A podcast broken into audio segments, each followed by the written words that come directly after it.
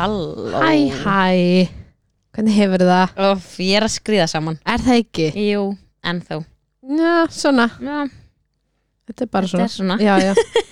Við erum semst að öðru degi Úf, í, í brekku. Í brekku. Svolítið Svolítið. löng brekka. Já, hún er svo Mér finnst hún aðeins vera svona jafna sig núna. Já, þetta er aðeins að það er að jafnast úr þessu. Já. En- Svakalega var gaman. Það var ógeðslega gaman Úf, Ég leiði trúbátor Já, við vorum semst í ammalneinu já, Fyrir þá sem við dekki já. Já. Ég borgaði trúbátor og söng svo sjálf allan tíman Við hefðum getað sleppt í. Veistu, hefðum getað Hann hefði mátt spila bara gítarinn. Æ, ég læta nú vera hann kannski hjálpaði mér aðeins. Já, já. Söngröndin mín er ekki Söngröndin er ekki alveg mín sterkasta leið Mér finnst þetta mjög gott hjá þér. Já, mér fannst ég leika æði. Já, þú varst í S-inu þínu. Þanga til ég heyrði daginn eftir. Ég held líka náttúrulega að vera sko í hálftíma Ég held hérna að vera upp í einn og hálfan Já, sko. ég held að líka Einmikið maður hann var, En hann var skæðið Já, hann var skeggjað Sitt, ég veist var að svo þetta Ah. við vorum fárulega brúnar og sætar. Jú, Íbúðið tann.is jú, jú. Hvað var Þetta geðveikt. bjargaði okkur. Líka mönnunum okkar. Já, vákaði voru finnir í Þeir fóru sérst í brungu líka. Já, Það var eiginlega það gerði gerði mikil stemmingu sko. Já, og allir voru líka bara Vá, Já, þeir eru svolítið flottir. Það var æði Sölvi, hún aflitaðir Sölva. Jú, jú. Þannig að hann var aflitaður og, og Það brútt var svo alvöru mafjósi. Já, þetta var aðeinslegt Æ. En við græðum smá skemmtlegt fyrir hlustendur. Jú. Við betur. græðum afsláttkóða Mm. hjá tann.is Afslut og kóða já, Já, sagt, já, Já. að því við elskum þetta. Mhm. og Þetta ég er alveg bara svona já, ég er alveg bara svona að íhuga að gera þetta bara reglulega. Já, ég hugsa ég líka sko. Veist, ég, Sérstaklega svona veturnar. Já, þegar mann langar aðeins að vera Já, ferskur. mér bara svona Ég fann bara svona sjálfstrust eftir, Já. eða svona, maður var svona, wow mann er, já, mann er líður bara sætari Já, það er bara þannig. Þetta er Það bara, geta allir tengt við það. Já, Já. og þó þú sérst ekki að fara að gera neitt Nei. bara, þú veist, til að liða vel. Mm að því að brunka lætur öllum liða vel. Ég Já. ætla að tengja við það. Já, ég líka. Þannig að þá Ég getur elska maður verið eins brún. og þú í dag í falleri hvítir brjónapeysu Já, og þú takk. ert tönuð mm. Mér finnst það líka bara að, já, ég ætla ekki að hætta að mæla með þessum lit. Hún Þóri hjá Tampundris, hún veit hvaða lit við erum að tala um við veitum ekki hvað hann heitir. Það er mjög góða leitur Já, mjög góðu litur, fer öllum vel. Mamma fór líka Já, alveg rétt hún fór beint eftir mamma er ólinn sko. Já, já. Og hún fílaði þetta gæft vel. Já. hann að ég bara, já. En það er sérst, er engin kóði í rauninni af því Mhm. þú bókar tíma inn á núna, Mhm. appinu. Mhm. er núna líka heimasíða eða Já, þú getur fann eh, Jú, þú getur fann að núna.is, jú. Ok, mm allavega ég með þessum app. Líka. Og þá getur annarkvort bara skrifað í aðtöðasemt að þú sért að hlusta podcastið okkar, Já. er þetta fyrsta bann mm eða bara þeim þegar að, hérna, þú mætir. Já, láta þá gefa þér ykkur 15% afslátt. Já. og verðið er samt bara 4 og 9 eða eitthvað, 490 held ég. Já. Já. sem er ekkert verð fyrir Nei. að þú ert brúnn í sko 10 daga eða eitthvað. Þannig að, bara, þetta er bara snild sko. Já. Ég ætla að elska að fara brún. Ó, ég líka. Bara get ekki hægt Ah, að ræða það nei. sko. En já, þannig að við vorum allar mjög brúnar í þessu amali já, Það var bara gegga hjá þér. Það var mjög Takk. flott hjá þér. Takk. Þú hjálpaði mikið, takk fyrir það. Það var nú lítið. Það var, það var mjög Gerðum skemmtilegt þetta saman. Já, Svo flest annað í lífinu. Eins og flest ef einhvern vantar að kaupa skraut fyrir Oh, God. ámæli þá, Hvað heyrið þið neðan í þá dag? heyrið þið bara í mér. Já, svona tíu vindsængur. Já, já, já, já. uppblásin pálmatri og flamingo já. ég þarf vel að henda Hendi bara einn, við tókum fylgta myndum. Já, henda í bara svona líka highlights á Instagram. Já, já, já þér það bara. ekki? Já, Já. gerðu það. Til að eiga þetta. Mm Það er mjög sniðið það var rosa gaman. Það var rosa gaman. Ég minn einasti. Oh, já, Já, en við erum hérna já, staðsettar í Nova Sirius Studio podcast betur. yes. Ég er ekki ennþá farin að segja þetta sko, ég Nei. get það ekki eldi nei, þetta er svona tungubröður Já, Já. ekki góði því. En hér er fullt af rammi. Já, er það næs. Ég er enda gott að í dag. Það, ég má í dag. Já, ertu að djóka? Nýsilegt að bara smá námi núna. mótfallin öllum megrun og kúrum þannig að bara því endist ekki neitt í þeim. Nei, já, má ekki gera það. Nei, Hendar ekki okkur allavega. Nei. Ekkert svo leis Nei. en við erum hérna líka í bóði eldvarnar miðstöðarinnar Mhm. og Nimbul já, á Íslandi. Mm. ég verða að mæla aftur með þessu milkbæstur sko. Já, þetta er algjör snild já. Ég er búin að þrýfa allt. Ég þarf þreif meira pröfa svo þetta. sko vélinn hennar að því með svona Já. baby börsi vel þreif hana með því. Já. að þetta getur húst, þetta er svo mikið mjólk og þetta húst, getur festst. Já, þannig að ég er allavega þreif vel og mér er þetta geggja sko. Vá, það er algjör snið já, ég mæli með því allavega. Geðveikt. Og ável við að því við erum að fara að tala um brjóstukjöf í dag. Já. Og við erum fá gesti. Mhm. Við erum aldrei ekki tvo gesti í einu. Nei, þetta verður svona Það verður gaman. Já, öðruvísi. Já, vonandi kæfi við þar ekki spurningum.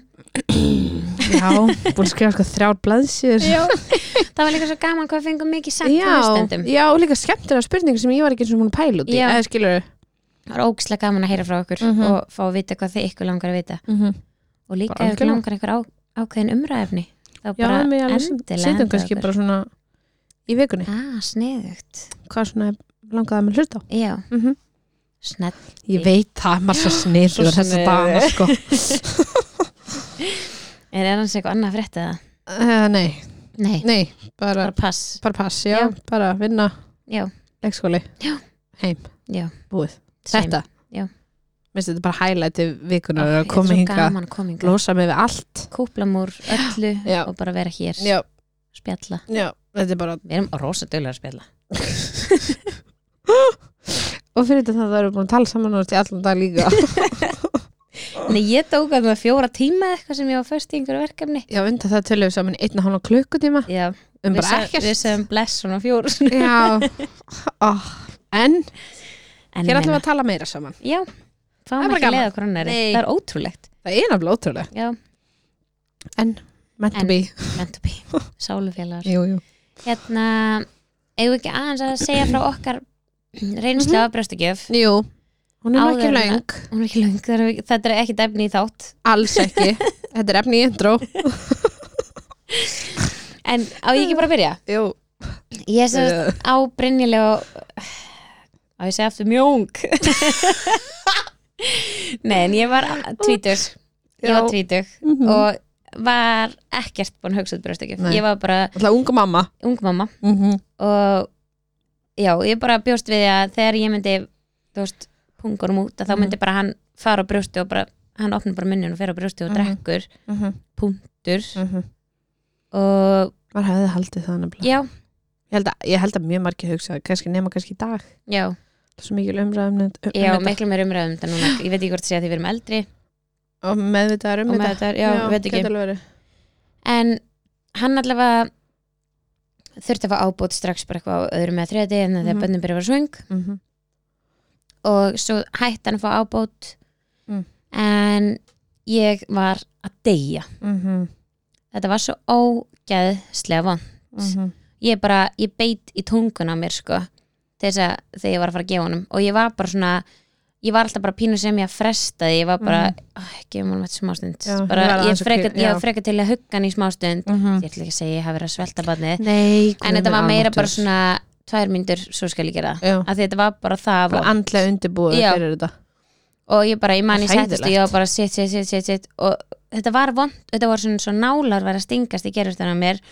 Og það var alveg þannig eftir hann hætti að drekka líka þá var ég ekki að tala um að þetta hefur vond og samdrættinir eða neitt nei, þannig þetta var bara ógeðslega brjóstunum já, bara í Já. gerfvörtunni og samt var ég ekki með neitt sár, eða þú veist, jú ég fekk síðan alveg sár já, já. og stálma og stíplu og allt þetta en þetta var þú veist, þrátt fyrir að væri ekki neitt Mhm. að þá var þetta svona ógeðslega vond Mhm. og ég fekk eiginlega enga skýring á því þannig að ég bara, þegar var þryggja mánu Mm. já, ég semst gerði þetta í þrjá mánu og þegar hann var þryggja mánu þá, þú veist, hann var alltaf að fá ábót samt á nóttunni og Já, já, já. kvöldin já. fyrir nóttina og eitthvað svona Mhm. og svo þegar hann var þryggja mánu þá var hann ekkert að þingjast vel og enda og þurfa að gefa hann graut svona Mhm. snemma, Mhm. ég veit það er ekki mælt með því í dag þegar ég fekk þetta já, allavega ég fekk líka samt já, frá lækni að Mhm. hann ætti að byrja að fá graut strax Mhm. og þá bara fór hann alveg á pela og ég hætti ekki á hann brjóst lengra var það ekki Nei, Nei. og þetta var allan tíman vond og það lagaðist aldrei það er rosalegt það Já, að því maður veit ekki hvort að hann var að taka þetta vitlaust eða bara, já kannski er eitthvað að mér eða eitthvað, ég veit ekki. Já, hann En- var þetta samt svona vond, vond með ólegu líka? Já, þetta var líka vond, já, já, ok. Ekki samt, ég veist, þetta var skárra. Já, en, þetta var, en það voru sko brjóstakjöfun hans eru tvær vikur sko. Þannig að það er ekki en Mm. þá fór semast í því á Óliver að þá var hann alltaf brjóst og hann Mhm. þurfti reyndar ekki nábót held ég man ekki betur. Mhm, hann til að byrja með. Mhm. Um, þá bara drakk hann strax. Þú veist á hann að erðum þriða degi já. hann að þegar hann var svangur þá drakk hann held ég bara hjá mér. Já. og það var líka bara mjög vond. Og þá var ég eitthvað svona reyna að fá hana til leiðbyrja mér. Hún var eitthvað svona, vissi ekki hvort hann var að taka þetta vittlaust Mhm. en hjá Brynjari var allavega klifta á tunguhaftið á spítalunum áðunum fórum heim. Ah. þá var ekki komin þessi umræðum tungu var haft Nei, en það var samt gert bara því þeim fannst hann vera með allt of þykkt tunguhafti Já. eitthvað þannig að áðurinn fórum heim á spítalunum því áttan þá var það já, klift já, alveg rétt mm Ég man eftir þessu já, þannig að hérna svo, þú veist, það var engar æfingar eða ekki neitt, veist, hann var hann var ekki orðin sólringsgamall þegar það var klift sko. nei, nei, nei. og, en ég man ekki hvernig var, ég held að það hafi ekki verið mólur Nei. en svo sem að var með heima þjónustuna Mhm. eða heima ljósmaðurinn, hún var svona eitthvað aðeins að leiðbæra mér, þú veist henni fannst, já, veist, Mhm. hún, henni fannst hann ekki vera að taka brjósti eitthvað vittlust en Mhm. við vorum bara að prófa alls konar stellingar og eitthvað Mhm, svo þegar hann tvekja vegna að þá fær hann RS Mhm. smittist af bróðsynum og við förum hann á spítala í viku mhm. og hann er með súrefni í sex daga eða fimm daga Mm. og Og með sondu líka þá fekk hann sondu Já. og var þá bara að fá þú veist, ég var þá bara að gefa honum í sprautu í Mhm. sonduna Mhm, í alveg sex daga eða sjö daga mhm. svo byrja hann á sjötta degi eða eitthvað að þá byrja hann að fá pela upp á sengu, veist, ég var sko á batnarspítalunum Mhm. en þær hjá hana, Senguleginni nei, uppi. Fæðingastofunni nei, hinnar með litlu, litlu börnin. Já, vökkudildinni já, Já, þær voru samt að koma niður með veist, þær Já, voru já, eiginlega að aðstöða mig en Já. ég var samt ekki upp á vöku. Já, já, af því að hann var orðin 2500 gram eða eitthvað, Já. hann léttist svolítið mikið hann Já. og já, þannig að þær voru aðstöða mig en við lágum samt inn í einangrunna herbyggja á barnadeild af því við vorum RS Já. og vildi hann ekki hafa hann Nei, upp á. skil það. Þannig að þá byrja hann að fá pela og hann mátti ekki drekka brjóst af því að hann mátti ekki erfiða. Mm. og þú veist, þau eru erfiðara með anda eða eitthvað svona þegar þau eru að Drekka brjóst? Já, þú veist, það er erfiðara fyrir þau að drekka brjóst heldur en pela. Já, ok. Af því að í pelanum þá bara rennur. þetta, já, já, já, já, já, en í brjósti þá þarftu að hafa fyrir því. já, já, já. þannig að, og ég pumpaði með allan tíman á Já, ok. spítalunum og hann hann fekk alltaf bara mína mjólk. Já næs Það er gott svo já, og svo þegar hann mátti byrja að fá brjóst þá bara trilltist hann. Mm. og Það er búið ekki, orðin þægindin Já. komin sko. Mm en það var ekki sjens að krakkin ætlaði að fá brjóst aftur. Þannig að þar Eh. með lauk okkar brjóstakjöf Já, ekki var það lengra. Nei, Nei. En mér langar mjög mikið að læra mjög mikið á eftir. Já, og vita hvað ég á að gera næst Já. það já, já. Það gerst ekki en hjá ykkur, þú varst þess lengur. Já, ég var bara með hann að tekja mánuða sko. Já, ok, Já, við sko uh, hún tekur brjóst þannig bara upp á fæðingdöld og gengur alveg vel sko. Mhm, en hún fær alltaf ábót. Mhm. Af því að veist, hún var ekki hún var ekki að nenna. Já, já, veist, hún var bara, já, hún var ekki að nenna þessu. En hún byrjaði alltaf að fá ábót og svona var líka bara svo úkslega létt. Mhm. Og hérna en svo kom að því að þegar við fórum heim að það var svona, sko, ég mjólkaði svakalega vel já, og veist, fyrstum sinn var bara það bara, brjóstunum minn voru hjúts það var svo Mhm. mikið en þ- að því hún byrjaði líka að fá pela og þá fannst henni það þægilega að því Já. að hún var alltaf, þegar hún var að brjósti hjá mér að þá var hún alltaf að sopna og alveg saman hvað ég Já. gerði að það var ekkert að ganga já, hann að heimiljósmaður vann fann að hérna, pumpa mig Mm. og sprauta uppi með sprautu Já. við vorum bara komið þangað en svo náttúrulega var sérst, hún ælir rosalega rosalega mikið já, þess að þetta fyrsta ár sitt. Og hérna hann var bara aldrei að innbyða neitt. Já, hann að það var eiginlega bara svona veist, ég var fann að gefa henni meira pela heldur en brjóst. Af því Já. að hún var líka rosalega óvær já, greið já, að hérna að við vorum bara grátandi saman þegar ég sett hann brjóst af því hún vildi ekki vera, hún vildi freka fá þægindina því hún þurfti Já. að hafa rosalega mikið fyrir því að fá brjóstumjölk frá mér. Já. Þannig ég var fann að pumpa mig í pela. Mhm, þannig að það var svona veist, mér finnst ekki gaman. Nei, en, en svo nefnilega fer ég í hérna mm, bólusendingu fyrir COVID. Já, alveg rétt. Við fórum já, saman. já, það var hann í annars skipti sem ég fór í bólusendingu fyrir COVID. Og mér Mhm. fannst bara þú veist, nánast bara eftir nóttina þá nótt að það bara hvarf, hvarf mjólki mín. Já, að því ég var búin að vera að pumpa mig svo mikið í pelana þannig ég vissi svona sirka hvað ég var að fá í hverju pump eða þú veist, hvert skipti, hvert skipti sem ég pumpaði mig Mhm. þá var þetta bara komin í 20 millilitra 10 Já. millilitra og þú sikur brjóstinu sem Já. er alltaf rosalega lítið magn af því ég Mhm. átti að gefa henni ógislega mikið eða þú reyna það þannig að mér varst það svona ógislega leild og þannig í rauninni hætti mín brjóstakjöf já, hann það var svona korki mér niður henn að kenna. Nei. Skilur, já, þetta var svona bara, fjara þetta út. bara fjara út og brjóstamælkin bara hvarf. Já, og, veist, og þá náttúrulega var ég bara að hætta að nennan að pumpa mig þetta. Tekur óslega langa tíma og þetta er bara alveg vond þú ert búin að sitja í hálftíma að pumpa þig. Já, þú væri 10 millilitra. Já, mitt og þá var ég bara, ok, það er bara ekkert eftir. Nei, Þannig að þá fórum bara engang á pel og þá fórum bara að kaupa hérna hip Já. þú veist formúlu. Já, það merkilega var það ekki. Nei. Sem ég að við hefum tekið já, þátt um já. þetta. Já, það var ekki En ég meina, við reyndum samt alveg. Já, já, Ok, nei, ég reyndi ekki í fyrra skiptið. Nei, Þá var ég bara ok, fæn já. Seinna skiptið var ég pínu sár. Ég hefði viljað örgla því að það var ekki mín ákvörðun að Já. hætta þessu. Mér var alveg alveg sama. Já, en núna langar mér rosa mikið. Já, og ég, Ég ég man samt að því ég kom til þín mm í svona fyrstu skiptin og þú Mhm. varst oft með hann á brjóstið fyrir fram já. skil, og ég var alltaf bara, vá, þetta já, að, já að að, þetta var svo þetta gekk alveg vel. Já, og þeir voru einhvern veginn bara svona, ég veit ekki ég var alltaf bara, oh, já, þetta er já, en eigum við þá ekki bara að leifa þeim að kynna sig? Ok. Geggjað, let's go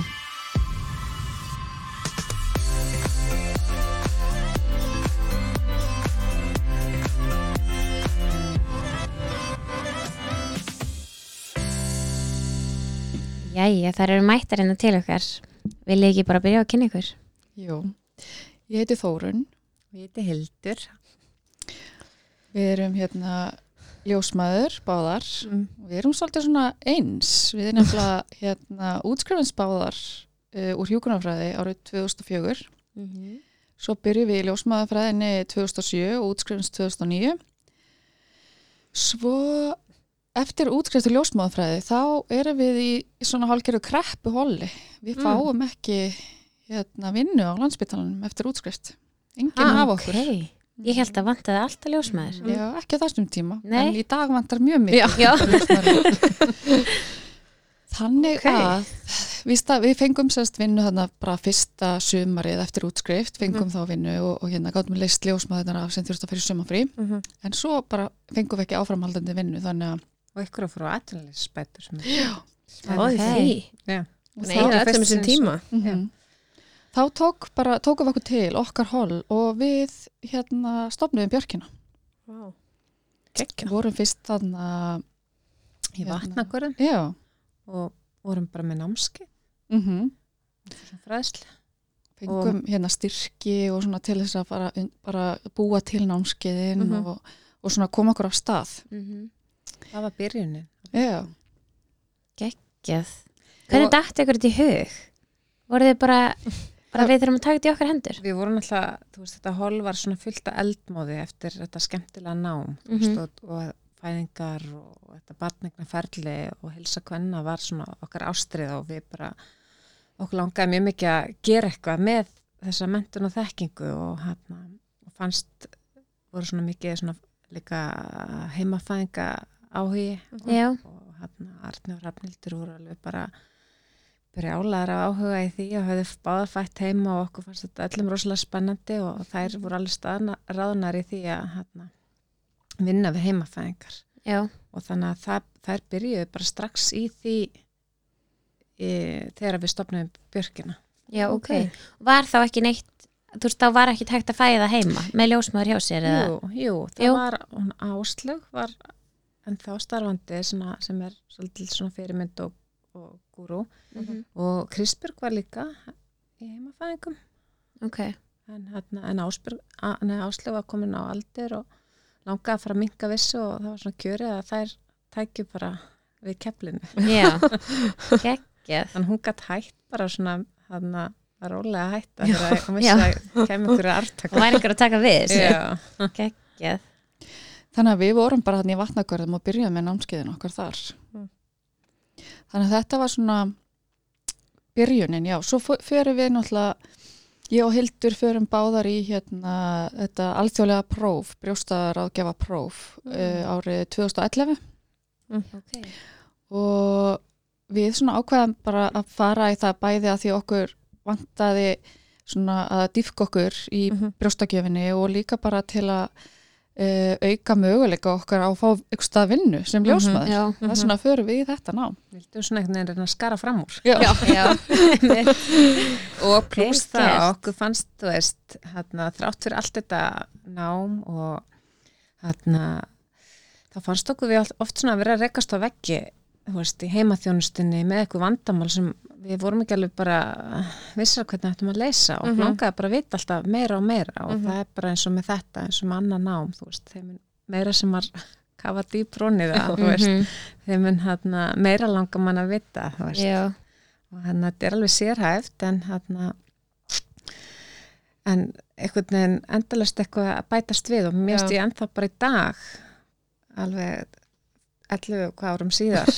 Finnst ég ennþá alltaf að læra eitthvað nýtt Já. og ég er alltaf svona, hm, já, einmitt. Já, Bara Alltaf vera eitthvað að skoða koma þetta og breytast, já. já, eða þú veist bara alltaf einhvern veginn að rekast á ný vandamál og hérna og bara aukinn þekking á öllu og, og maður vill einhvern veginn oft bara einhvern veginn hjálpa til og, og hérna og, og leysa einhver, einhver vandamál. Já, maður gefst ekkert svo auðvitað upp. Nei ég heyri það, vel gert.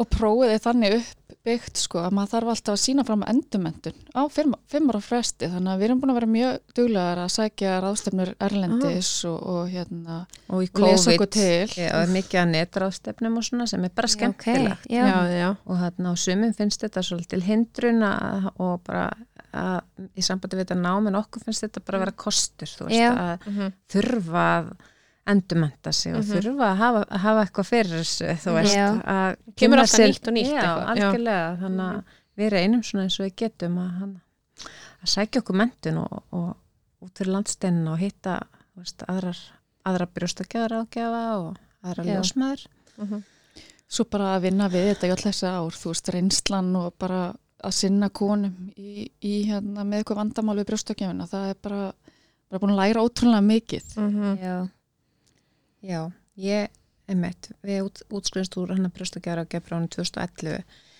og ég til dæmis bara þegar við fengum ekki vinnu þá sótti ég strax um svona heimaþjónustuleifi þannig ég er líka búin að starfa við heimaþjónustur frá því, frá 2009 Og við fórum flest allar í það, það. Að, að ná okkur í leifi, þannig að þar erum við bara sem verktakar hjá sjúkratryggingum Íslands. já, ok Já. og, og já, og erum heldur flest allar og holun okkar bara búin að, já, ég, Svona flest allar, já. já, Mhm. með heimaþjónustuleifi og þar lærir maður rosalega mikið og svona hérna, eða mikilvægasti parturina grunnurinn að koma brjóstakjöfuna stað. Mhm. já. Getum við rosalega mikið hann lagt inn í bankan þar. Mhm, hjá, hjá fjölskyldum. Mhm. og hérna og Þórun er búin að fekk svo vinnu.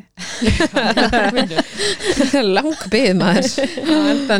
Ég, ég er búin að starfa, þú veist, í hvað, 12 ár eða eitthvað svoleiðis á hérna meðgöngu og já, Ég er búin að vera að sinna brjóstaráðgjöfinni alveg með fram því, en, en hérna núna og Hildur er náttúrulega búin að vera út um allt. svolítið.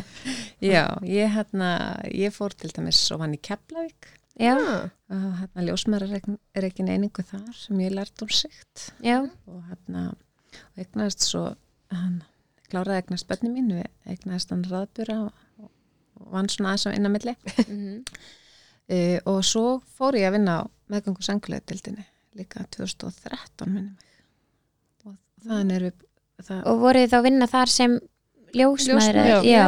og já, bara aðstöða við brjóstakjöf og já, bara alls konar. Þetta er svona meðgang Mhm. og sangulegdild já, koma allan vandamál á meðgangu og eins í sanguleginni já, og þar koma einmitt konu líka bara eftir fæningu og Mhm. svona fyrsta brjóstakjöfin mhm, og, hérna, og ég man sko þegar við vorum að læra og mér fannst það nú alltaf svolítið heitlandi þá var hérna, brjóstakjara og geða starfandi á landsbytalanum og í náminn okkar þá vorum við alveg nokkra daga með brjóstakjara og sáum út af hverju konur voru að koma og mér fannst í náminnum að læra rosalega mikið af því mm, Mhm. og, hérna, og var kannski svolítið miður að leggja það niður á sinni tíma já, En núna erum við búin að vera bara í björkinni. Hvað erum við búin að vera núna? rúm, Bári eða eitthvað? já, það er sko fyrir rúmlega ári síðan þá breytust samningarnir við sjúkratryggingar það var svona eitt af síðustu verkunum hennar Svandísar. Svandísar já, að auka brjóstakjæðarákjöf og alltaf bara að greita sjúkratringum fyrstu tvær vikuna sem er rosalega stuttur tími og ekki Já. endilega að fara að reyna á neinn vandamál, sérstaklega það sem uh, heimaþjónustan er svo góð hérna á Íslandi. já, En þetta var vikað út í sex mánuð en að konur eiga núna rétt á þremur skiptum sem sjúkratrygginga greiða þar til að batni sex mánuða. Já, það er æði Já, mjög bara, þú veist, mjög Mjög og við fundum eða strax fyrir því að þú veist, það var rosalega svona mikil aukningi eftirspurn já, og hann og eiginlega búið að vera bara rauðglóhandi Já. línan Já. síðan. Ég nefnilega fekk sko mm, ég fekk brjóstarákjafa og ég áska á sumri til Já. og ég baði um brjóstarákjafa og hún sagði nei það er engin bara allir í sumafríi Já. Mhm. en svo kom einhver einn sem kom að aðstofa með eitthvað smá en þá var ég svona búin að ná þessu svona Já. þannig að hún var alveg orðin sex vikna eða eitthvað. Já. þannig að þetta var ekki góð tímasending hjá mér. Nei, en vonandi, næst galt að einhvern tíman annan sem er til. fólk er ekki sumafríi sko. En vonandi samt verða úrbættir af því. Það er alveg bara nokkrar ljósmaður að taka, búnar að taka prófið og að taka prófið, þannig að það verður vonandi bara nægt næ, nægir brjóstakjáraðgjör til að sinna allum þessum verkefnum. Hann og vonandi verður þetta til þess líka bara tíðni brjóstakjár eikst Mhm. já, á Íslandi að þetta er náttúrulega bara líðhelsumál að, Mhm. að börnin fái brjóstamjólk. Já, Mhm.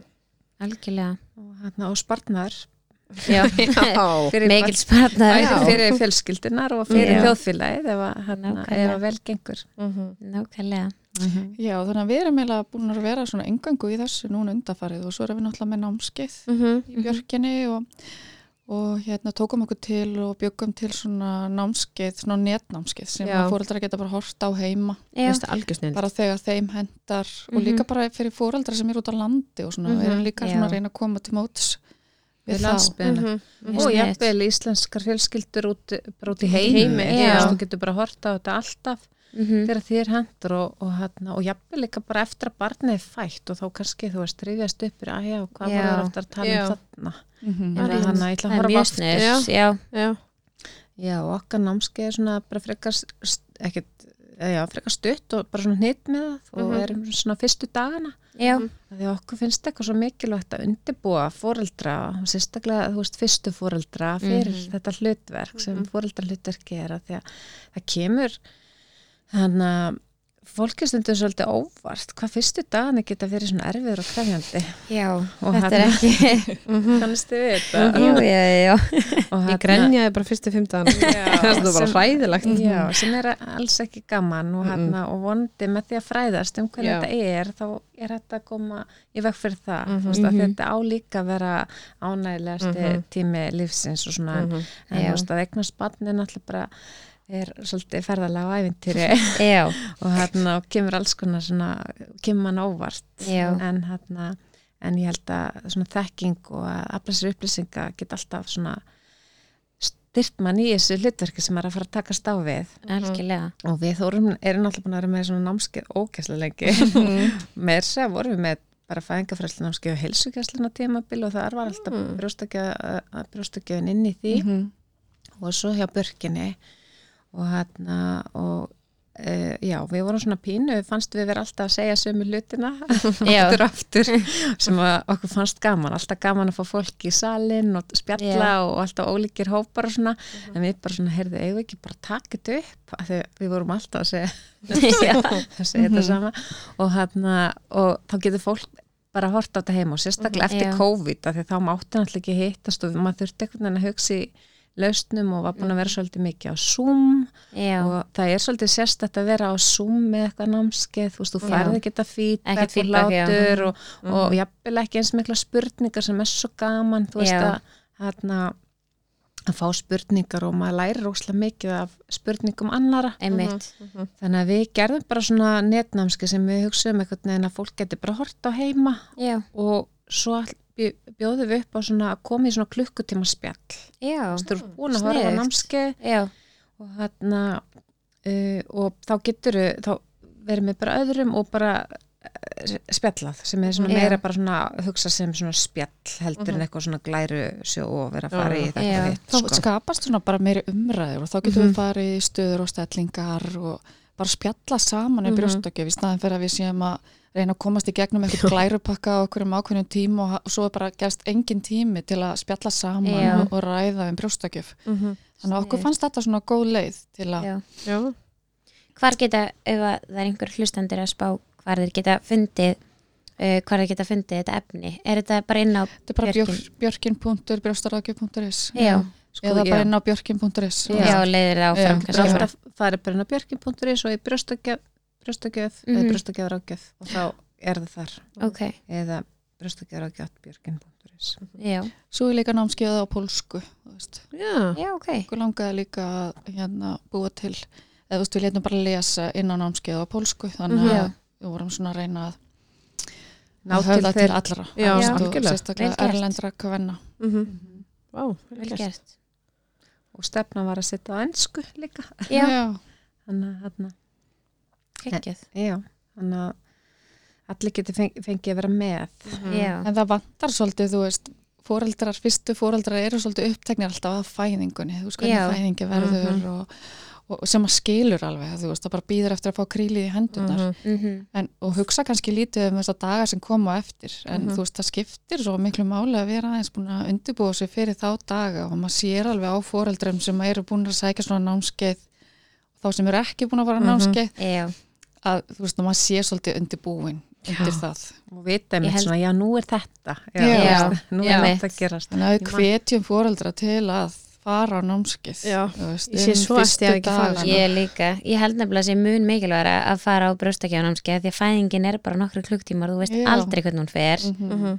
og þú veist aldrei, þú getur svo lítið stjórnað en í brjóstakjöfinni þá ertu þá búin að fá ráð og tips og triks hvað þú getur gert til þess að koma þessu Mhm. í réttan farfi en einhvern veginn í fæðingunni þá er þetta bara, þarf aldrei bara að taka klukktíma fyrir klukktíma. Já, algjörlega, en það er líka samt mikilvægt og, og að, að vera, þú veist, undirbúin fyrir þó þú vitir ekkert hvort, í hvað ferðalega þú ert að já, fara svona þá er erum að alveg búast gott að veist að bara í samtu fæðingun og brjóstökjuna bara þekki líka mann að vita hvað er að gerast. Já. það er svo mikilvægt að, að vita það, þá getur svona já, að, þetta er að gerast. Já, bara, og eins í fæðingun og brjóstökjunni já, það er svo gott að, að hana, hafa skilning á kroppnum Já. sínum.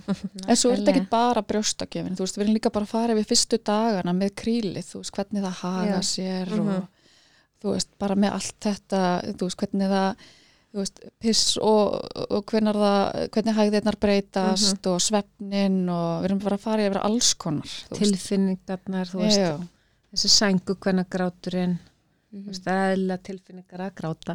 Hvað skiptir miklu máli að hafa stuðning Mm. og þú veist, bara förum yfir alla þess að þætti. Já.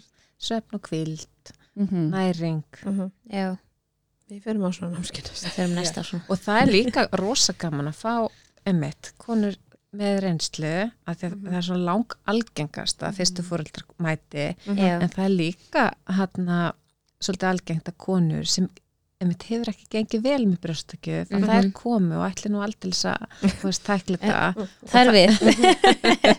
Einmitt og það er bara, bara frábært og þá, það er líka ekstra gaman veist, á svona námskeið þegar umræða spinnast í kringum Já. það, og hérna þannig að þið eru líka með námskeið sem við mætum á, já, já, við erum með bæði. Já, geggjað eða svona, já, við reyn- reynum það veist, það fyrir svolítið bara eftir hvernig þáttakan er og svona, en- Já, já, já, og, algjörlega. og það er alveg vinsalt að mæta já og eru þá makar að mæta með Já, eða, já, já. Og um daginn kom sko kona sem var eignast, sko ég man ekki hvort það var þriði eða fjórðabann, hún sagði bara, ég fer bara alltaf á námskeið. já, Já, Þetta það kemur alltaf nýja og nýja og- og bara, bara fer alltaf. vá. Það Það það er ekki algengt. Af því ég vil eitthvað þetta bara svona kannski fyrsta batni eða eins og Hildur segir að það hefur gengið illa áður Mhm. að Já. þá koma þær. en það meikar nú alveg sens að fara á námskeið maður fer á námskeið maður köp sér hund sko Já. Já, þannig að það kannski meikar alveg sens að fara á námskeið maður eignast bann Þannig að við erum svona, já, aðalega í þessu brjóstastúsi Mhm. en svo bara, þú veist, erum við náttúrulega erum við með þessa brjóstagjafraðgjöf í björkinu og erum líka náttúrulega að fara heim Mhm, til mhm. foreldra ef þeir óska eftir því Mhm. En okkur finnst bara einhvern veginn voða, voða góð aðstæða fyrir okkur í björkinu þannig að okkur Mhm. finnst voða gott ef foreldrar koma þangað Mhm. en stundum hendar það ekki og þá bara fyrir við heim Mhm. og heldur líka, þú veist, það er svolítið gott stundum að bara að fara út úr húsi Já. þó að sé stundum ekki mál að fara með ný, nýfætt bann Já. það er samt stundum bara gott að viðra sig umræðu. fara í, já, fara í nýtt umhverfi þú veist, aðeins að hérna, hérna, breytum sofa Já, og, einmitt. hérna, og fara eitthvað hann át og einmitt að koma um konum daginn og hún bara, ó já, ég setti mér svo með maskara Já, og, og hann hún var svo sæta fín og hún bara Æi. fyrsta skipti og Já. það var að gegja að komast út úr húsi ennefnilega svo gott við Mm. tölum við um það um daginn hvað er einhvern veginn bara svona maður fær pína auka orku við að fara hans út Já. Já, en auðvitað, þú veist, að fólk er með eins og fyrirbura og, og bara nýfætt eftir kannski erfiða fæðing og svona þá bara, einmitt, þá förum við alveg heim á hús. Já, En þannig eru konur að koma til okkar þú veist, sem hafa leita til annara heilbreiðstarfsmanna, ljósmara, hjókunarfræðinga, lækna Mhm. og hérna, ef ekki er hægt að, þú veist, hérna, tækla vandamáli þar, að þá fá þær tilvísun til okkar. Já, Já, þú þarf tilvísun Já, til. maður þarf Já. tilvísun og þessi tilvísun gildir þá í sex mánuði að Já. að, og þú getur komið þá þrisa sinnum til Já, okkar. ok.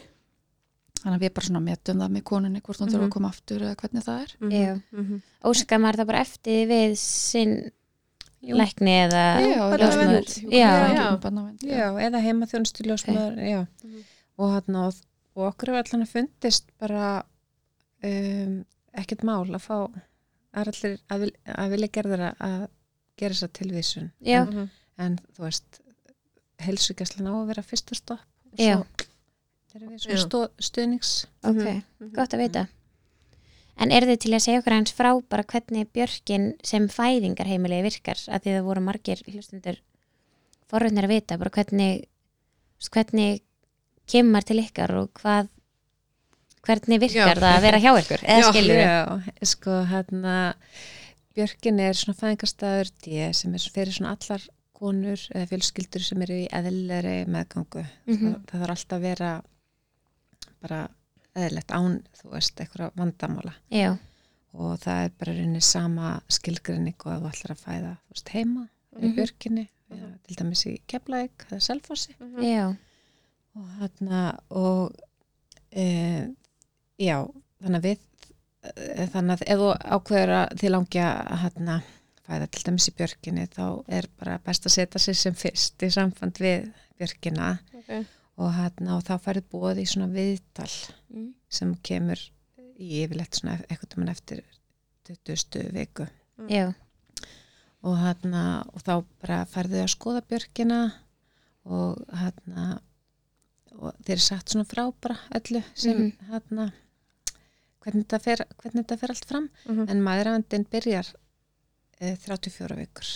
Já, hjá ykkur? Já, ok, þannig að þetta er svona í rauninni samfelt þjónusta sem Mhm. konar fá. Þannig að það er maðuravend svo er fæðingin í björkinni annarkvort þú veist í síðumólunum sem er þá fæðingarimli eða þá bara í Mhm. heimahúsi. Mhm. ok það er ekkert eitthvað svona þú þarfst að vera ákveða ákvúrum staðnum alveg strax en, en svona flestir eru með svona fullmóta hugmynd að þeir vilji fæða þarna eða þarna. Já, og þarna, já, að maðuröndi byrjar bara 34 vikur Mhm. og er þá bara þar, þar til barnið er fætt og svo sjá þá bara þarna, ljósmaðurnar um, um heimaþjónustan líka já, Og- ok þú veist, þannig þú þekkir alltaf ljósmaður þetta er svona þetta, í björkinu Persónlega. Já, þetta er mjög persónulegt Mhm. og þarna það er tvö teimi já, í björkinni þannig að þú þeir eru útluta bara öðru hvort teiminu. Já, þannig að þú hittir alltaf eitthvað ljósmaður í þínu teimi í maðuravendinni og þannig að þegar kemur að fæðingunni þá er alltaf svona kunnulegt andlit já, Mm. sem, hana, sem tekur á móti. Já, og svo hjálpast þetta teimin svona, svona aðeins að. Já, og þarna og já þær eru með bara þær eru svona ákveðin fjöldi kvenna í hverju mánuði. Mhm, þannig að það er aldrei eitthvað svona um, stundum fær maður spurningu er ekki mikið að gera hjá Já. já. Er plás Já, pláss, þú veist, þannig að það er ekki te teknar fleiri konur en við, Já. við höndlum skilur Mhm, mhm, mhm. en auðvitað eru dagarnir mismunandi og stundum þrjúbötn og stundum ekkert og, og hann, er alveg svona misfjöru í sólaringar Já, Um daginn voru við sko með námskeið og það var hérna kona að fæða. Það? Já, heyrðist ekkert í henni, ekkert svo mikið. Nei. En svo bara fættist barnið þannig að með námskeið. Mjög gaman. dásamlegt Já. Já, Dænum, Og það eru allir velkomnir á námskeið til okkar. Þú þarft ekki að vera í björkinni eða neitt þannig eða að fæða ok. í björkinni. Þetta er bara Opið fyrir alla. Mm. Það er líka gott að vita. Geggjað, Og svo er svona fæðingar undirbúningsnámskeið líka í björkinni. já, Ok. geggjað Mm. Eigum við að henda okkur í spurningarnar sem við fengum frá hlustendum. Ef við byrjum bara svona svo kannski, já, ræðum bara út frá spurningunum, mm Mhm, það ekki? mhm. Sko, fengur spurningur ráði að fá mjólkina og þú veist ráði við farsælega brústakjöf. Já. Er það eitthvað sem er Það skiptir ótrúlega miklu máli að brjóstakjöfin byrji vel. Mhm. Að, þú veist, batni fari fljótlega á brjóst eftir fæðingu mm -hmm. og sé duglegt að örfa brjóstin hann að fyrstu dagana. Ok, en það er engin mamma með full brjósta mjólk þegar barni fæðist nei, nei, nei, veist, það tekur alltaf þú veist, þessa nokkur klukkutíma þú veist, 2 til 5 sólarhinga að fá mjólkina Mhm, í mhm. brjóstin Mhm. en það er alltaf brottur sem er svona e, fyrsti fyrsti sopin ok. Já, sem er mjög, mjög hérna, mikilvægur og næringaríkur en hérna En við höfum einhvern tímann heyrt að, eða ég hlusta einhvern tímann á okkur podcast. Og þá er verið að tala um að þegar að barni er, þú veist, nýfætt að þá sé úslega sniðut að þú veist, þegar þú ert að gefa það að drekka að pumpa sér í fimm mínútur eftir gjöfina til þess að örfa ennþá meira. Er það Við ráðleggjum alltaf bara að hafa batnið á brjósti. Það Já. er alltaf best. þú veist. Mhm. Og það er bara fínt að pumpa og svona ef að batnið er á vökudeld eða tekur ekki brjóst eða einhverjum ástæðum. Mhm. En við viljum helst bara að batnið sé að örfa brjóstin Mhm. og Já. komi Ná. þannig mjólkina að stað. já, Ok. og ná ykkur gripi Mhm. þetta, á, ald- þetta á aldrei til dæmis að vera vond þú veist, Nei. þetta er ekki eitthvað svona þú ekki að þurfa að býta á jakslin nei, ég var einmitt þar Já, og þetta á alls ekki Mhm. vera þannig þá er eitthvað svona að gripinu og það er eitthvað að skoða það eins betur Já, er það bara barnið að taka brjóstið eitthvað vittlust Já, líklegast, þú veist og það er svona getur verið alls konar ástæði fyrir því sem það þarf að skoða, þú veist.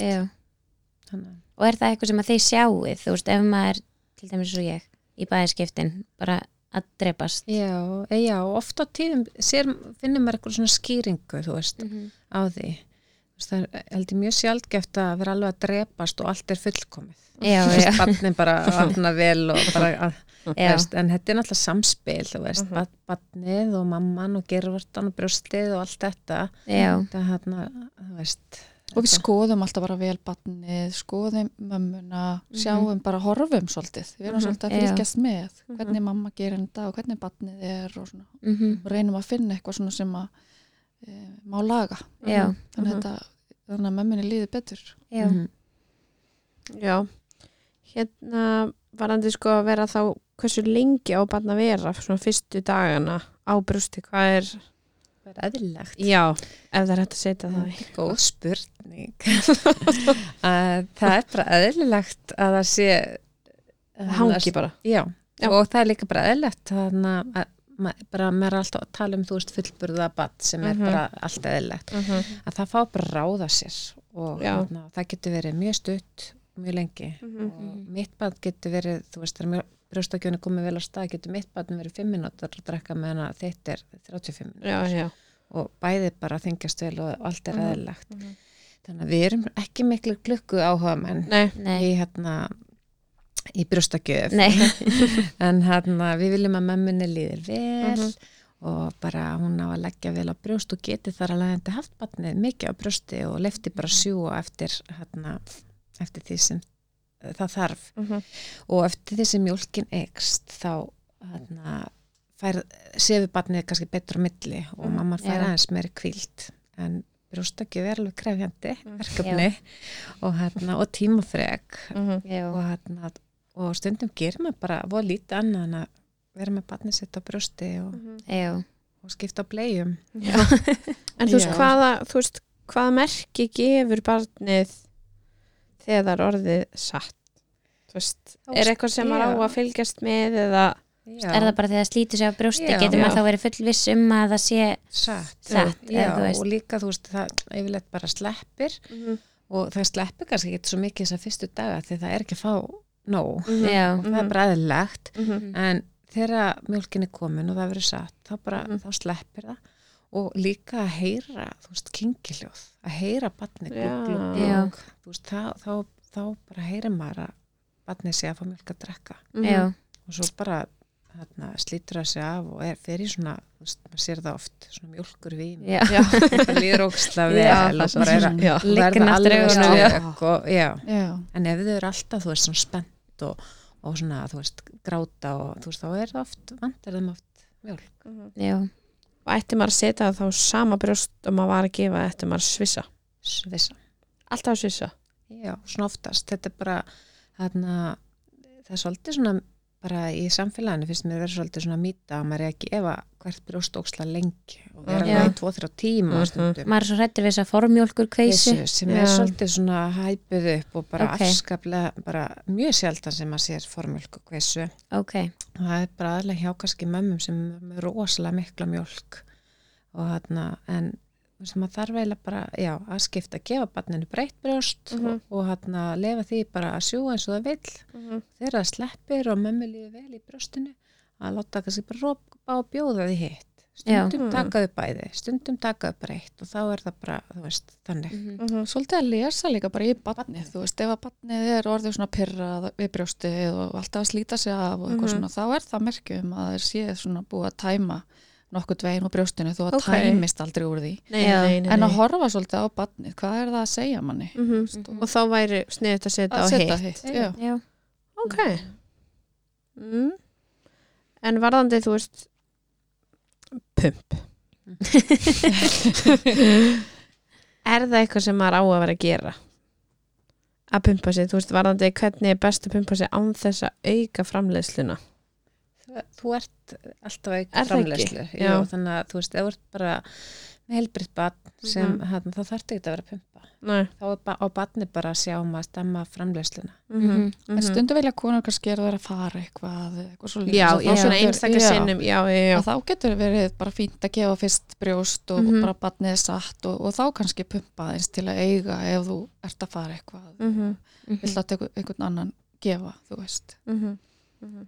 En okkur finnst ekki en ástæða til að vera eitthvað að pumpa þú veist þessa fyrstu daga eða vikur og þú eða, þarft ekki að kaupa bara þegar þú ert ófrisk þú veist, bara þarft ekki að eiga hana þú veist, já ef þú þarft að nota það er svo mikið um þetta núna maður Já. Já. allt náttúrulega sem maður heyrir og les Mhm. og það er einhvern veginn allir að tala um bara maður verður að pumpa og pumpa og Já. pumpa og maður er alveg, "Ó, ok, ég ger það ekki þannig ég er örgla, eða þú veist Mhm. Nei, þú þarft ekki að pumpa, pumpa, pumpa Nei. ekki, við, við erum alltaf að mæla með því ef að, ef að kona er kannski með litla framleiðslu þú Mhm. veist já, að best er að auka framleiðsluna með að láta batni bara vera meira á brjósti og svona en, en stundum þarf að bæta við pumpun ef að Mhm. þarf að auka framleiðslu mhm, Mhm. það er alveg rétt en, en ekki bara þar sem allt gengur vel og batni dafnar vel og allt Mhm. gengur vel já. það kannski algjör óþarfi algjör óþarf bara, þú veist En frekar að einhver- nýta tíman með batnið á brjósti þú veist, Já. að vera með einhverja pumpu Mhm. en einhverjar aðra leiðir til að auka framlýsluna er eitthvað svona sem að maður getur gert annað en að pumpa til þess að auka framlýslu og svona töfrar að já, er það með eitthvað? Eitthvað svona að drekka malt og borða vel að kveitur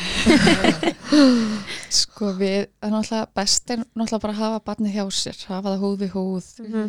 uh, taka bara rólega daga vera svolítið mikið bara heima við kúra upp í rúmi og leifa batninu svolítið bara að uh, örfa brjóstin. Mhm. Svo Svo- skiptir náttúrulega máli að drekka vel og, og, og borða og, og hérna, næra sig næra Mhm. sig og og kvíla sig þú Já. Mhm. draga þessu álæg og svona eða það er einhver minni, mingu framleysla. Mhm. já, Mhm. það er engin töfralausn og ekki en- engin svona pilla sem maður getur ekki te sem þú drekkur og Já, þú veist, í gamla dag var mitt rosa mikið talað um malt já, já, Og Svolítið ennþá. amma mín var Já. það Já. þannig núna bara Bjór og malt, já. já.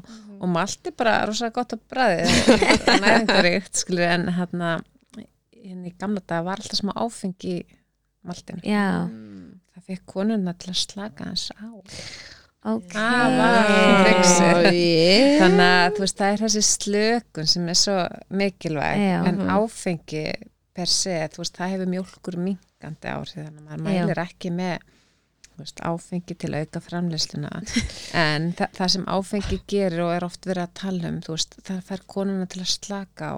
Já, og veist, þessi mjólkumyndun á fyrstu dögum er svo bara hormonustýrð og það er bara svona raunir svipan svo í fæðingunni. Þú veist, þú ert stressar og streit, eh, með streitu mm þá bara dettur fæðingin niður og það Já. er eins með brjóstökjuna mjólkin fer bara ekki að streyma. Já, þannig að stress og streita er bara svolítið óvinnur. Mhm. já í þessu ferli. En það er stundum erfitt að stýra en það er það sem þarna, þessi áfengis gerði, gerði. Og möggunar, þú Já. veist og eitthvað svona. Þannig að við erum búin að ljóstra upp því lindamáli Já. þú getur allir hætti. Já, En svo er náttúrulega til eitthvað svona mjólkuraukandi te Já. og töflu Já. svoleiðis ég er líka og En virkar sumum það? finnst það vin, virka og Mhm. sumum finnst það ekki gera neitt en svo er bara spurning hvað er að virka Já. er að virka töflunar eða te eða, er það að Er það- virka að þú Mhm. drægir úr álægi og Mhm. er bara meira með batnið á brjóstinu eða ert að Mhm. pumpa eða þú veist Mhm. maður er kannski að gera allt í bland á sama tíma og veit ekki alveg hvað virkar um mitt mm, en það er alveg, þú veist, eins og í einhverjum af þessum töflum og svona eru jurtir sem þú veist, bara eins og jurtir eru þú veist, Mhm. hafa stundum græðandi áhrif og mjölkuraukandi áhrif og eins og fennel og eitthvað svona Já. fenugrík og eitthvað svona sem hefur þú veist, he- he- hefur verið sínt fram að hafa hans aukandi áhrif en þetta er engin svona kraftaverka þú veist, lifi eða neitt Nei, og þarna, það getur verið bara gott að fara nutt og fá olíu með Mhm. fennilegt eða eitthvað svona, þú veist, það getur alveg ge- gert sama gagn sko. já, Já. En hérna svona varandi brjóstakjafa vörur er eitthvað sem maður á að eiga svona fyrir brjóstakjaf áður maður á. Já, við fyrir svolítið í þetta námskeiðinu okkar. Ok. Já. hvað svona alls konar vörir eru vel markasettar mm já, og við hérna eina sem við segjum að þessi mikilvægt að eiga þegar áður en barni kemur það eru tauplur já, Þar hafið það. Það er eina sem að þarf bara að vera búin að Ekki kannski eiga versla bara sér. alla línuna. Nei. Nei, það við Ég var þar nefnilega. Já. Bara séu kassi svolítið- margar þar sko. Ok, Já. að eiga allt en, Já, en, það er samt þannig. Það er eitthvað sem segir þú þetta eiga þetta mikið að dóti og Mhm. maður sem fyrsta mamma já, maður kaupir bara þá kaupir maður það bara. Af því það var verið að segja manna það verið hjálpa, myndi hjálpa manni. En bara nokkra tauplegur og svo bara sér maður til hvort að maður þurfa að kaupa eitthvað meira. Apotekin lóka ekki. Nei, alltaf opið og ég, ég held að mjög margir eins og þú ert að tala um Mhm. bara vestli allt og mikið af eitthvað svona óþarfa dóti mitt er bara nýja Já. geimslu sko Já, Já. ég er búin að lána þetta og gefa og bara einmitt. einmitt og krem og smysl og, svona, þú veist, þetta er alls Já. konar dótir í og ég Mhm. hugsa að þú veist þetta fjólblá krem sem best markasettasta krem bara já, bara í sögunni Sögunni. Já. ég var bara að byrja að byrja þetta á mig án í átti sko Já. Já. og ég gerði ekkert nema svitna eða þú veist að þetta er svo þig Mhm. þetta er fín vara sælvi þetta er rosa fínt Já. varasel og sumum konum finnst þetta alveg gott krem að nota Já. á, á vörtunar ef það eru sár eða eitthvað svona þurrkur eða eitthvað og það er bara frábært, stundu virkar það bara vel Mhm. en maður verður bara að passa líka að bera það ekki í of miklu magni á sig af því þá fær maður kannski getur maður fengið sveppasíkingar og svona já, ef maður er að bara maka svo á sig Já. en ég meina, hjá, fyrir söma konur virkar þetta vel og Já, bara já. er græðandi Mhm. en, en svo kannski er eitthvað eitthva an, allt Eitthvað annað sem að já, já. hendar öðrum Já, já. skilur, þannig að maður bara prófa sig áfram og Mhm. en sé sig hvað virkar en svona mjólkursafnari Já. já, Já, það er fínt ef maður þarf eitthvað svona auka mjólkina eða vill eiga til að gefa barninu Mhm. síðar meir eða eitthvað svoleiðis en það er ekkert eitthvað sem mann þarf nöðsilega að eiga. Nei. og það getur verið þú veist bara virka eins og pumpa að þú sérst á alltaf ofur og að það er ekki sneitt að gera Að það, er ekki alltaf með svo. sogið á þessu, þú veist, en alveg flott að nota hann, þú veist, til að, veist, ef þú þarft að mynda að tappa af rétt svo eða Já. sapna mjölkin sem legur úr hinu brjóstinu eða eitthvað þannig, en þú veist, þú ert alltaf með hann á þér, Já. þá getur komast í áframlislu. já, Vá. En hérna, þegar maður er ófriskur, er sniðugt að vera að örfa brjóstin, svona kannski rétt fyrir fæðingu. Eða þú vilt koma á fæðingun á stað.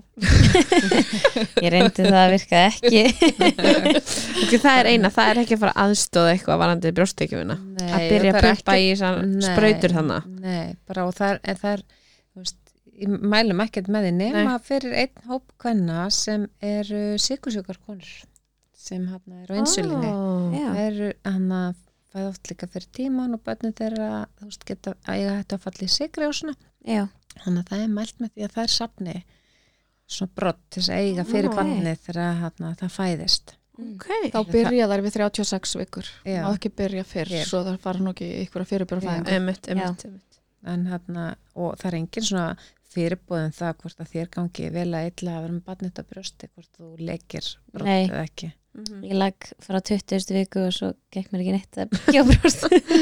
Mm. þannig, þannig að það er ekki það er ekki sama sem merki þar á milli.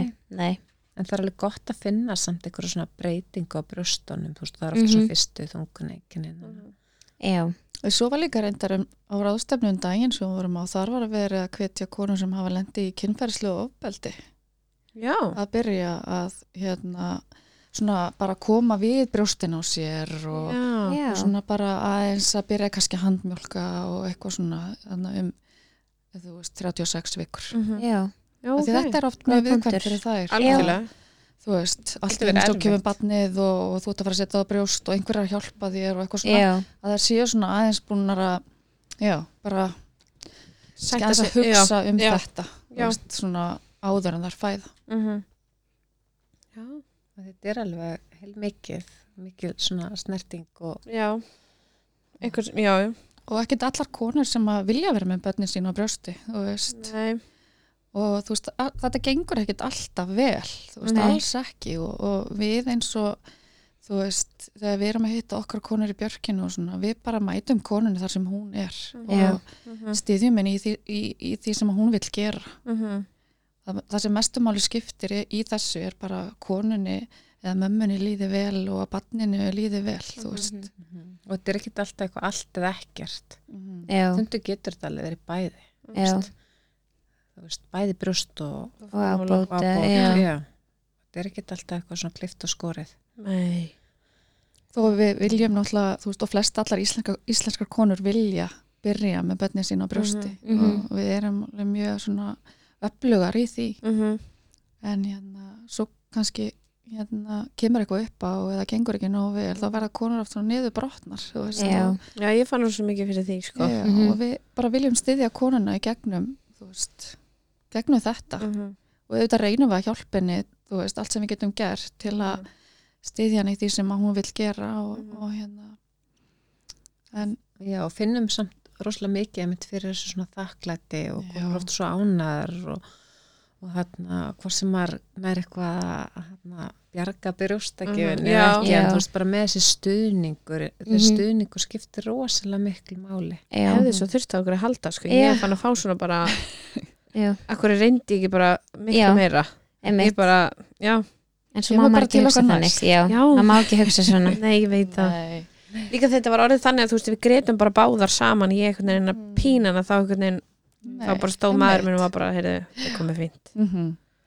Þá var bara að hlaupa og ek- þetta er ekkert alltaf, veist og hérna og þá förum við bara yfir það með konunni þú veist hvernig er best að gefa pelan Mhm. og, og allt þetta skilur Mhm, þú veist, og mhm. það er líka alveg dýrmætt Mhm. í okkar starfi Já. að styðja konunni gegnum þetta að því við Mhm. vitum alveg að þetta er oft mjög erfitt mm Mér fannst líka bara svo gaman að sjá til dæmis eins og maka minn fá líka Já. hana quality tíma því við ætla bara að byrja um svo snemma að gefa henni ábót að þau fá líka smá quality tíma að ég Mhm. get fengið að fara í styrtu á meðan eða mm -hmm. eitthvað og svo er líka, þú veist, svona erfi reynsla þú veist, hún er alltaf svona reynsla í bakbókan þannig Mhm. að þú veist þannig að næst þegar þú ferði þetta ferli þá kannski, þú veist, veist alveg hva, hversu langt þú er tilbúin að ganga Mhm. hvernig þú vilt ekki gera mm -hmm. er kannski búin að kynna þér eitthvað svona af hverju fór þetta og fór ég ætla ekki Mhm. að gera þetta svona nú ætla ég Mhm. bara að vera þessa fyrstu daga Mhm. og eins og COVID til dæmis var bara mjög jákvætt í barnegnaferlinu af því að hérna, fjölskyldur voru bara svolítið svona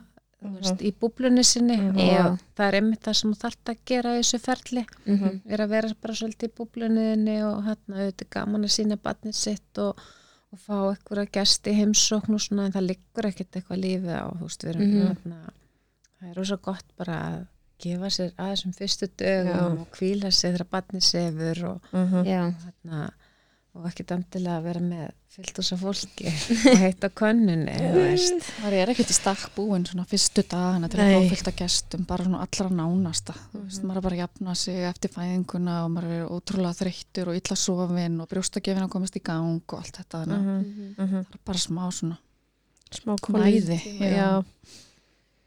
algjörlega um, aðeins um mataræðið Mhm. þegar maður er með barn og brjósti uh, með minnir að spurningin hafi verið hvort að, að mataræðið hafi áhrif á barnið, þú veist, óþól og eitthvað svoleiðis. Mhm.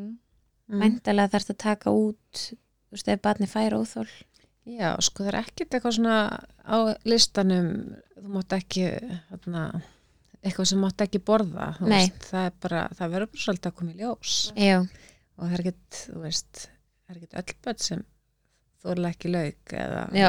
Já. svona, við viljum alveg að konu borði lauk þú veist, það er ekkert já, allar konur með barna brjósti með ekki borða lauk og appisinur já, en það er líka svolítlar mýtur í samfélaginu svona gamlar sem Já. eru ríkjandi með líka.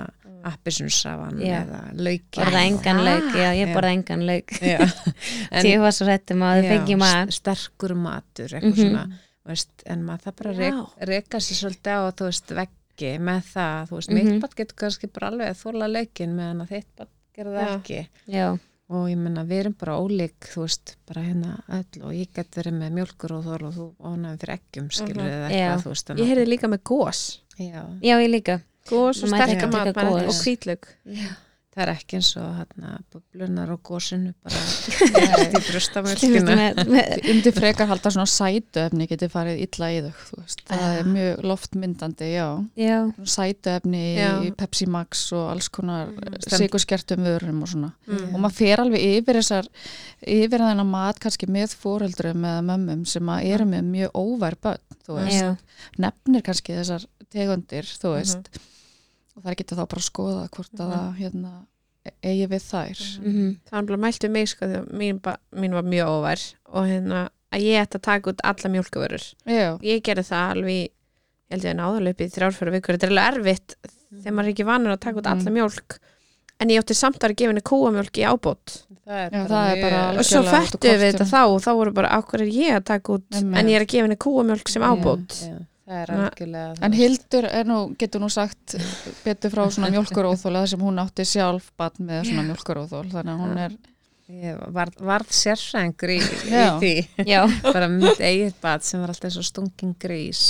Já, og hann á greinist svo bara með mjölkur og þól þegar, já, mjölkur ónami þegar hún er þryggja mánu og hann og ég hætti mjölkur verum, já, bara fekk nýtt batn í hendunar þannig að mér Mhm. fannst ekkert en ekkert mála hætti þessu þegar að áhrifin voru svona já, já, það var ekki sem Já. trublaðan hún var ekki með neina óþóla neitt sko en þá en ekki er þannig. líka ofta mitt blóð í hægðum Já. hjá þeim og þau eru með svona slímugar Hægðir, og, og ég var með bara frábæra hjúkju ungbarnavendin sem var einmitt gift meldingarlækna, hún bara prófaði þetta og ég bara prófaði þetta og ok, fekk nýtt barn Já. en það var hana, fyrir nokkrum árum það var ekki svo mikið að mjólkuleysum vörum nei, í til dag náttúrulega er þetta bara að færa þetta bara í krónir sko já, einmitt, það var ekki alveg þannig Mhm. en, hana, en já, maður sér það og það, mjólkur óþól og ofnami er svona eiginlega algengasta svona óþólið ofnami hjá, Mhm. hjá brustabönnum Mhm. já, og, hérna, og, og maður vill eins og með svona fæði, þú veist, maður vill ekki takmarka eitthvað svona fæði hjá mömmum að óþörfu Mhm, mhm. en, en stundum prófa maður, þú veist, bara prófa að taka út mjölkuverunar í tvær vikur og ef ekkert breytist þá er þetta ekki það Mhm, mhm, mhm. en oft sína börnin svona einhver enginni mitt, þú veist, þau eru rosalega ófær þau, Mhm. jafnvel þarna e, fá slímur hæður, jafnvel blóð í hæðum mhm, þetta er svona, geta verið og útbrott, Mhm. já sér það oft svona þegar þú já. bara svona hrjúf einhvern Já. veginn og... minn fekk að mitt útbrot þegar hann, hann var bara með óþól og það við þurftum bara að taka út mjólk í veist, ár eða eitthvað, ekki Mhm, einu sinni já. ár og svo bara þroskast það á hann já, sko. já, en hann fekk að mitt útbrot svona í andlitin svona já, Já. já. Mhm. algjörlega um, svo fengum við líka spurningar um brjóstakjöf hjá þeim sem voru með lokka í gerfurtum á sínum tíma þegar það var, Já. Var og er, var og er ég veit ekki um Já. lengur en, en var í tísku. Sjáu þið mun?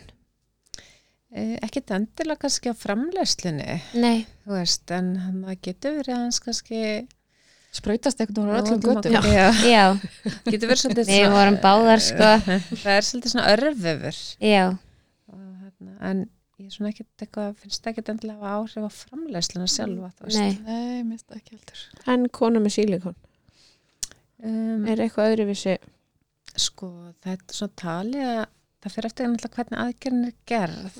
Mhm, og hann að talið að það hafi ekkit áhrif þú veist að setja búðana undir uh, veðva já, og þú veist, er náttúrulega allar aðgerð á brjóstum, þú veist, ge- geta haft áhrif og sérstaklega, þú veist, ef að gerðvartan er hreyfð, já, þá er skorið oft á taugar sem hana, kveikja á þessu losna viðbræði sem já. veldur því að veist, það skerðist flæðið Mhm, eða þú veist, það mhm. verður ekkit að streymi. Mhm, e, silikonbúðarnir svona eiga ekki að hafa hann áhrif og ég meina konur gengur oft bara vel en svona Já. mín tilfinning samt, ég kannski sé bara konurna með vandamálið. Mhm, en það kom alveg veist, til okkar og mér finnst ég oft svona geta tengt við þessa púða þú veist, ég, sé er ekki alveg samt með búin að festa fingur á það hvað það er, hvort það Mhm. verður meira þann á brjóstinu mhm, og þú veist, þær finna oft meira til já, svona alls konar eh, meiri líkur á stíplum, þú veist, en ég hef ekkert eitthvað fyrir mér í því nema bara, þú veist, reynsluna mína sem Já. Mhm. mér finnst stundum hérna finnst mér vera stundum svolítið fyrir fyrir, Mhm. en hérna, en, en En það hefur meira áhrif svona brjóstamingun minkun. Þú veist, það er að færa til vörtun já, og, og, og já, brjóstalift þegar það er og skorið þar Já, annarkvort undir já, hendi eða, já, og þá vill maður oft, þú veist, að emitt, að, þú veist, að brjóstakjöfin byrji vel og barni taki vel og svona og almemmunar séu líka kannski að hérna örma með pumpu. Já. Mm. bara til þess að ná upp að rosalega já. góðri framleiðslu hann í byrjun. Mhm. og ég meina konur sem hafa farið í brjóstamingun það geta alveg framleitt fyrir, fyrir börnin sín Ok, en þú veist, maður þarf kannski að hafa svona aðeins ekstra mikið fyrir því Vakan, Já. og, já, og vakandi líka auga fyrir því þú veist, hvernig þetta fer alltaf af stað og hvernig barna þingjast og svona Mhm. Mhm. það er alltaf að horfa svona ekstra vel á það og það getur gengið bara rosa vel Mhm. og getur líka svona aðeins gengið brussulega Já. Mm. En við fengum spurningu það er kannski svolítið svona opin spurning, eða svona uh, hvað svo lengi ráðlegt að vera með barn á brjósti þú veist eins og þegar barnið er komið í leikskóla þú veist þetta er kannski svolítið svona personabundin spurning en er þið með eitthvað Það er svona mælt náttúrulega með brjóstakjöf engungu til sex mánu aldurs. ok, Þannig að Við mælum með því, þú veist, ef allt gengur vel og svona og barnið Mhm. að þingjast vel og allt er í góðu. Síðan er náttúrulega bara mælt með brjóstakjöf áfram, bara Mhm. til hvað, tveggjára Já, sem að hú, alþjóða heilbærismálastofnun mæli með. Já. Og svo bara, þú veist, eins lengi og, og Bara mamman vill, já. mhm, já, bara þetta er svo parasambandi þannig að maður sé alltaf breyns lengi og móður og badd vilja. Menn Já. að þetta er ánægilegt fyrir báða. Þá hérna, og það er svona kannski eðlilegast finnst mér að þetta bara fjari út svona mjúkla. Já, hvernig er þá best að hætta brjóstakjöf þegar maður er kannski komin upp í vissan aldur. Já, þú veist, það er svona þetta fyrir svolítið bara eftir viðhörum og svona, ég meina, þú veist, hvað er hana, hvað, hvað finnst mann, ég meina það er ekkert óæðilegt að vera með þryggjara barn á brjósti en kannski er mem- langa með maður hætta og þá þarf maður að taka á því. Mhm, en svona lang oftast bara, þú veist, minkar þetta, þú veist, fer, fer úr eitthvað fjölda gefa og fer, fer fækkandi. Já, og svo bara allt í einu, þú veist, hætt, hættir þetta. Já og þú veist, það getur verið bara mjög mjög semt hvað aldur er og mhm, þú veist, það getur okkar að þú veist, segja fólki hversu Nei. lengi og, og hérna, þú veist, og ef að mömmu, og, og barni líði vel tveggjara, þryggjara, fjagrara þú veist, Mhm. þá er það bara bara, Bara ég bara gegja. Já, Svo er þetta oft þannig að þetta er kannski bara brjóstakjöf á mótnana, svo fer bara barnið í leikskólan og svo kemur það heim á daginn og Svo til- eitt þá og Já, svo, og svo kannski fyrir nóttina þannig að þetta getur bara verið alls konar. Mhm. Mhm. og ég meina að það er frábært að vera brjóstur og byrja á leyskóla, þú veist, þú færð alltaf þessi Mótefni, mótefni þú veist, og hjálpar Já. þér að berjast við allar þessar snið þannig að þú veist, það er ekki hana, þú veist, það er ekki endilega ástæða til að hætta með barnið sitt af því að það er byrja leikskóla. Að luskla það er eitthvað svona Það er aðeins að að reyna þetta, í þetta þú veist, þar til að, þú veist, fyrstu leskólapestinnar gangi yfir. Já. En ef að hérna, kannski svona undir lokin, ég heldur sem komin yfir allt. Mhm. um, ef að móðir, ef að þið langar að hætta með brjóstukjöf, þú veist þú ert bara komin, búin að vera með barni á brjósti, þú veist, ég veit það ekki, barni er eins ás og þið langar bara að Mhm. bara nú er þetta komið fín Mhm. er einhver svona skref sem að þið mæli með að fara er eitthvað sem að getur svona leiðbend manni að maður, þannig að maður gerir þetta rétt Klart. innan gæsa laka, já eitthvað svona, Uh, kannski bara, þú veist, að reyna kannski að stytta eins gjafirnar, þú mhm, veist, hafa lengra á milli þeirra, þú Mhm. veist, þá svona smá saman. takk út, Það, Ein og eina gjöf. framleiðslan. já, þú veist, bara, þú veist, það er ekkit gott að hætta bara, að segja, nei, nú er þetta bara hætt og vera með Já. full, bara, brjóst í fullri framlýslu þá þarf þetta kannski að trappa það niður með því að pumpa eða láta barni bara tæma. Já. Þannig að maður bara gerir þetta svona hægt og rólega og bara svona styttir þetta og lengra á milli og svona smá sa- saman, þá já, já, og líka, þú veist, einmitt, gefa sér tíma ekki bara að hætta á morgun. Já. já, eitthvað svona, en það, þá hugsa maður, já, já, ok, nú ætlum við að fara að hætta þessu þá bara lefa þessu svona mjúklega Ef maður hættir á snögglega þá bara getur maður fengið stíplur og fengið Já. og þú veist, alls konar vesen. vesen. Já. Mhm. gott að vita Mhm. Er eitthvað við- svona sem Ég þið viljið segja? Það er ekki, Hildur, hvað segir þú?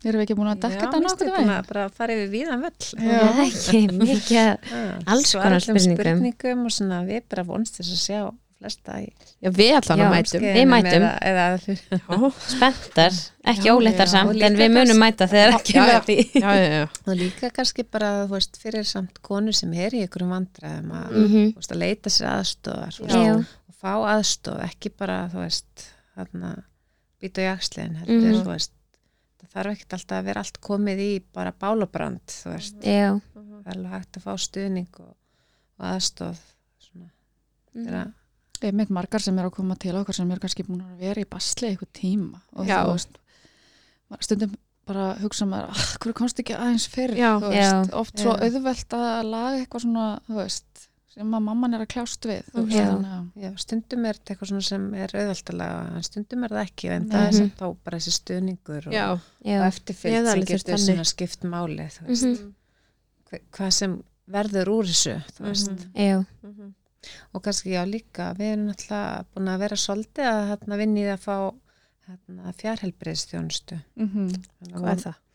þú veist að geta hérna, að því að það er engin brjóstakjæðar ágæði bara nema hérna á höfuborgarsvæðinu, þú veist það er engin Já, águrði ok. eða eilstöðum eða Ó, Þannig að hérna, okkur finnst það svolítið ósangjant að hérna, konur get ekki fengið viðandi aðstofað og Mhm. við erum alveg fengið svolítið fyrirspurnir og svona en við erum komnar með leifi frá landlækni til að Ok. veita fjárheilbreiðstjónustu já, sem er náttúrulega ekki alveg eins fullkomin og mæta veist, en maður getur oft hérna, maður getur oft leist ykkur vandamál og, hérna, Mhm. og við erum bara að semja við sjúkratryggingar um að um að setja þetta inn í samningin okkar að geta Geggjað. veitt fjárhelbriðstjónustu sem Já. við hugsaum þá fyrir konur sem búa í hvað, 60 km fjarlæð frá höfborgsvæðinu og ef að veður leifir ekki þeim sem búast eftir að koma. Mhm, þannig að, það, þannig að þetta verði fyrir allar konur. Geggjað, vel gert. Já, mjög vel gert, þetta er spennandi. Já. mjög svo, Mhm. erum við þá ekki bara búin að dekka svona þetta halstart annars bara fáum við ykkur aftur. Komum við bara aftur. Við erum alltaf til að koma. Er það ekki? Nákvæmlega, takk fyrir að fá okkur. Bara takk aðeinslega fyrir að koma. við erum eh, alveg orðnar mjög fróðar vil ég meina. Já, já. við erum bara eftir að fá að pröfa þetta aftur. Við bara fyrir að leggja í Ég ætla að gera annað það. og hérna. Við, við munum reyna allt Já, núna. Komum. með svona, ég verði að gera það held ég. Að því ég var ekki þar sko. Ég var bara, ég ætla ekki að gera þetta aftur. já. En núna er ég alveg svona, veitir við. já Gæti kannski. Gæti ekki Já, gæti alveg hugsa með það. ég er full að trúa þér. Já. við mætum til ykkar, við verum fyrstu á námskeiðinu hana komnar 12 vikur báðar hvenær er það best að koma? hvenær er það? Um, það er bara alltaf hægt að koma Mhm. en það er kannski svona eftir 24 vikur myndi ég halda að Ok. væri fínt Já. þeir eru svona Ok. farin að sjá, sjá þetta meira fyrir þér og farin að Mhm. hugsa meira um þetta Mhm, og þarna, já, svona 24-28 vikur Ok, Það er það bara er al- sem hendar. Það er- er kannski- eitthvað til þess að hlaka til að fara Já. gera. það er svona, já, algengast er kannski 28 til 30 Já, og 2 tvær, vikur já, en þú veist svona ekkert mann eftir 24 vikur að fara að hugsa um þetta og Mhm. bóka námskeið eða, eða bara kaupa námskeið og Mhm. horfa á það aftur Já. og aftur Já, Mér finnst það skemmt ég held ég gerir bæði. Og Ég kemur vil svo bara- þetta heima og koma. Bara horfir og kemur svo spjall. Já. Já, það Það Svo er gaman. að fá sniðugt. fólk í spjalli Spjall, þá er það svo meira svona Er það þá bara, veist, þið og fóreldrar? Já, já, þá Já, erum ok. við bara svona spjalla veist, Mhm. þannig að okkur finnst það rosa gaman. Já, Mhm. það er næs. Bara við stellingar og stöður og bara svona alls konar. Ég fekk nefnilega enga þannig aðstöð Það var bara sett hann í fótboltastellinguna og ég var bara þar Mhm. Ég bara gæti ekki neitt annað og svo kunni ég ekki að gera hinna megin og Mhm. það fór allt í rögl Einmitt. Ég hefði þurft að vita eitthvað svona sýningarkennslu. fullt af stellingum Kemur í